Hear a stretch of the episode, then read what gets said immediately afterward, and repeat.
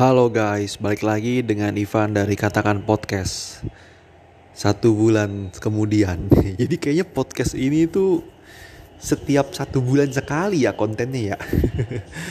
Oke, buat temen-temen yang gak ngerti sepak bola Boleh tinggalkan uh, apa boleh tinggalkan podcast hari ini. Karena gue hari ini pengen ngomongin soal Manchester United dalam musim 2020-2021. Apa aja yang ya apa saja yang sudah terjadi, pencapaian mereka, progresnya kayak gimana dan tentu aja kekecewaan gua dari final Europa League kemarin. Oke, di podcast ini ketika podcast ini gue rekam, ini gue lagi nonton final Liga Champions antara Chelsea versus Manchester City uh, satu buah pertandingan yang menurut gue seru saat ini Chelsea lagi unggul 1-0 dari gol uh, melalui golnya kayak Havertz. Oke, okay, kembali ke topik ya. Jadi gini, musim ini jujur harapan gue adalah MU bisa lebih baik dari sekedar peringkat 3 ya. Seperti kita tahu musim lalu MU berakhir di peringkat 3 liga, kemudian hat-trick semifinal Oke, okay? Hat-trick semifinal di cup competition FA Cup, Carabao Cup dan Europa League. Ya. Nah, uh, musim lalu juga itu adalah musim pertama eh sorry ya, musim penuh pertamanya Ole setelah menggantikan uh, Mourinho di 2018-2019. Nah, di musim ini jujur karena corona itu semua tim tidak ada pramusim dan yang jadi permasalahan adalah MU adalah tim yang paling empot-empotan karena nggak ada pramusim. Ada beberapa faktor. Faktor yang pertama adalah di United saat uh, musim ini itu baru ada divisi Sport Science. Divisi Sport Science ini sebelumnya ada, kemudian dipecat sama Mourinho alias dibubarkan. Sehingga kalau lu lihat musim pertamanya, eh sorry musim pertama dan musim kedua Mourinho di MU itu pemain-pemainnya fit. Nah musim ketiga lu bisa lihat mainnya lambat, gak bisa main tempo cepet. Kemudian Lukaku badannya terlihat tambun gitu ya. Nah itu kenapa? Ya itu kan tadi gue bilang tidak adanya divisi sport science gitu. Jadi divisi ini kan yang bisa ngebantu para pemain untuk bisa dalam posisi yang prima terus aman dari cedera badan juga fit gitu. Oke. Okay.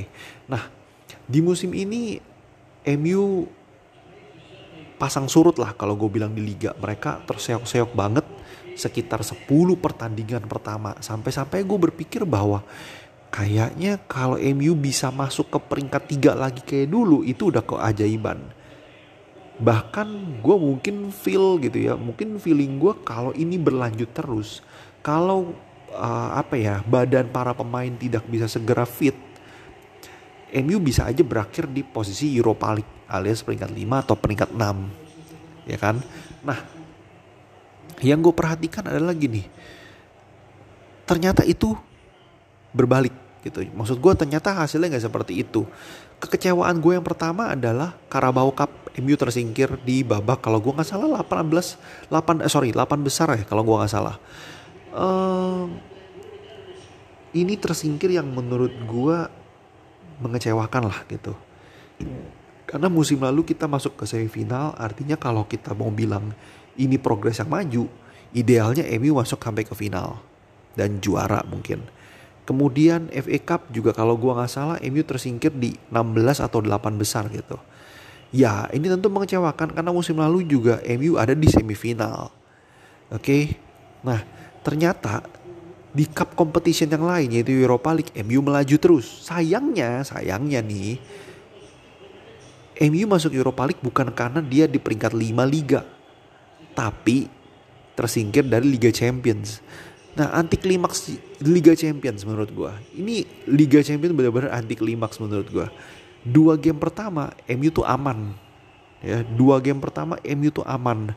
Menang lawan PSG, menang besar lawan Leipzig, artinya lu menang lawan runner up Liga Champions musim musim sebelumnya dan lu menang besar melawan semifinalis Liga Champions musim sebelumnya. Luar biasa Anti klimaks terjadi ketika MU kalah lawan klub Turki. Ya gue lupa tuh namanya tuh. Ya pokoknya klub abal-abal lah. Lu kalah 2-1 di Turki. Melalui kalau nggak salah 2-1 atau 1-0 gitu. Kayaknya 2-1 deh. Dengan gol-gol yang konyol. Kemudian lu menang di Old Trafford. Dan kemudian lu kalah dari PSG dan kalah dari uh, Leipzig gitu ya. Ya ini dua dua pertandingan yang menurut gue anti klimaks gitu. Ini dua pertandingan yang menurut gue anti klimaks karena lu harusnya bisa memenangkan satu game lagi lah minimal untuk lolos ke babak 16 besar. Tapi menurut gue kalau lu lolos ke babak 16 besar, lu akan dipermalukan sih gitu. Dengan permainan MU saat itu ya. Jadi gue pikir mendingan tersingkir juga dan masuk ke Europa League. Turns out di Europa League MU masuk sampai ke final. Ini bukan sesuatu yang mengejutkan karena memang kalau gue ngelihat dari tim-tim yang klub-klub yang ada di Europa League itu kelihatan banget bahwa MU pasti bisa jalan jauh minimal semifinal. Kelihatan karena memang secara kualitas udah beda jauh nih. Gitu. Jadi gue yakin banget kondisinya pasti MU akan berada di posisi terbaik lah gitu perjalanan jauh gitu nah musim ini berakhir dengan MU berada di peringkat dua liga oke artinya kalau musim lalu peringkat tiga musim ini peringkat dua ada progres yang bagus gitu progres yang oke okay. uh, di cup competition MU tersingkir dua kali di babak 8 besar dan MU masuk final di Europa League dan sayangnya hanya menjadi runner up. Oke, okay? gue gak mau bahas pertandingannya. Yang gue mau bahas adalah progres, progres dari Ole selama dua setengah musim berada di United. Di setengah musim pertama, Ole itu berada di posisi 6 liga atau 5 ya gue lupa. Kemudian di liga juga itu musim depannya MU masuk peringkat 3 dan musim ini masuk ke peringkat 2. Which is ini hasil yang bagus. Jadi kalau lu para fans oleh out ya, pendukung oleh out, lu lihat progres di liga. Peringkat 6, peringkat 3, peringkat 2. Oke. Okay? Ini sesuatu hal yang bagus. Cup competition. Cup competition menurut gua mengalami dua kali kemunduran, satu kali kemajuan bolehlah gue anggap ini satu hal yang imbang gitu karena musim lalu lu semifinal semifinal dan semifinal musim ini lu 8 besar dua kali dan juga final gitu. Kalau gue mau kasih rating dari 1 sampai 10 musim pertama oleh musim full pertama oleh gue boleh kasih dia nilai 7 oke? Okay? 7 setengah lah. Tapi di musim ini gue kasih nilai dia 8 setengah. Satu karena perkembangan di liga dan satu lagi karena di Europa League sampai ke final. Kalau gue ditanya apakah gue pilih oleh out atau oleh in, gue akan atau oleh stay sorry, gue akan pilih oleh stay. Kenapa gue pilih oleh? MU tuh udah tinggal dikit lagi, oke? Okay? Lo harus tahu dulu itu. MU tuh udah tinggal dikit lagi untuk bisa meraih gelar. Dikit lagi kalau lu udah nyampe ke final, kemudian lu kalah di final, berarti lu sedikit lagi. Ya, ada sesuatu yang kurang, ada sesuatu yang salah sehingga lu hanya tinggal sedikit lagi untuk sampai ke titik tersebut. Dan MU berhasil melakukan itu. Oke, okay? tapi memang tinggal sedikit lagi. Liga harus diakui karena corona ini banyak banget hal-hal yang terjadi di liga.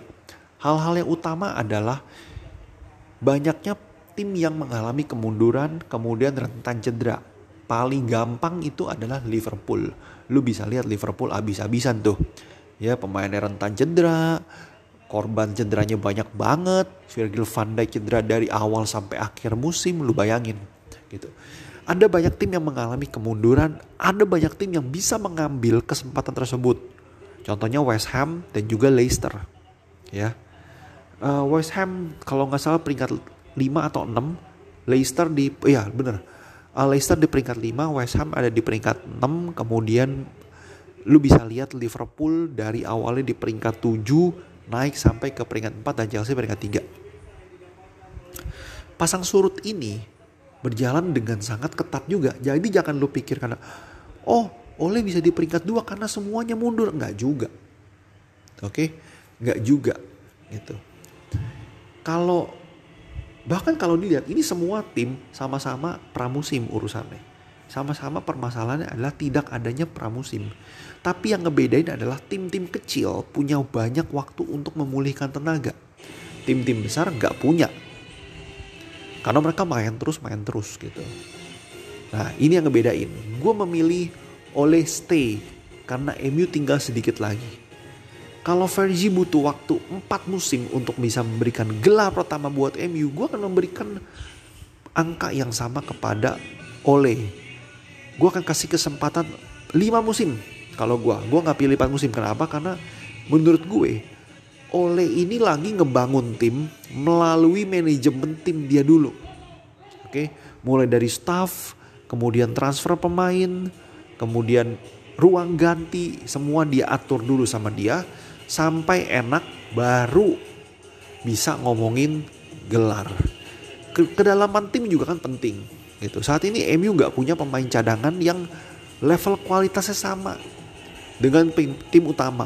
Lu bisa lihat ada Juan Mata, Daniel James, Phil Jones, Jesse Lingard. Ya, Lingard lagi dipinjemin tapi kan balik lagi sama juga. Ini semua dan juga plus pemain-pemain muda MU lainnya kayak Facundo uh, Pelistri, Ahmad Diallo, Hannibal Hannibal Mabry, gitu. Erlangga ini kan semua prospek lima tahun ke depan. Jadi bisa dibilang ini tuh masih jauh ngomonginnya. Oke, buat lu semua fans layar kaca, santai aja. MU tuh tinggal dikit lagi. Kalau lu berpikir bahwa oh oleh nggak pantas oleh begini oleh begitu, lu mau pilih siapa? Ya, oleh ini mempersiapkan tim jangka panjang. Dan itu yang paling penting. Daripada gini lu punya dua pilihan. Lu pilih lu dapat manajer seperti Mourinho yang setiap tiga musim cabut tapi dalam tiga musim pasti ngasih lu satu gelar. Habis itu lu ngulang lagi dari nol atau lu pilih manajer yang lima musim kagak dapat gelar apa pun tapi setelahnya lu berumur panjang seperti Ferguson empat musim gak ada gelar begitu lu dapat gelar umur lu panjang sampai 26 tahun dia ngelatih gelarnya seabrek-abrek Nah lu bisa nggak? Tapi kan itu butuh kesabaran. Gitu. So, sekian dari podcast gue. Gue udah keluarin unek-unek gue tentang banyaknya fans layar kaca yang tolol itu. Dan gue tetap always stay. Gue dukung MU bagaimanapun keadaannya. Karena United we stand.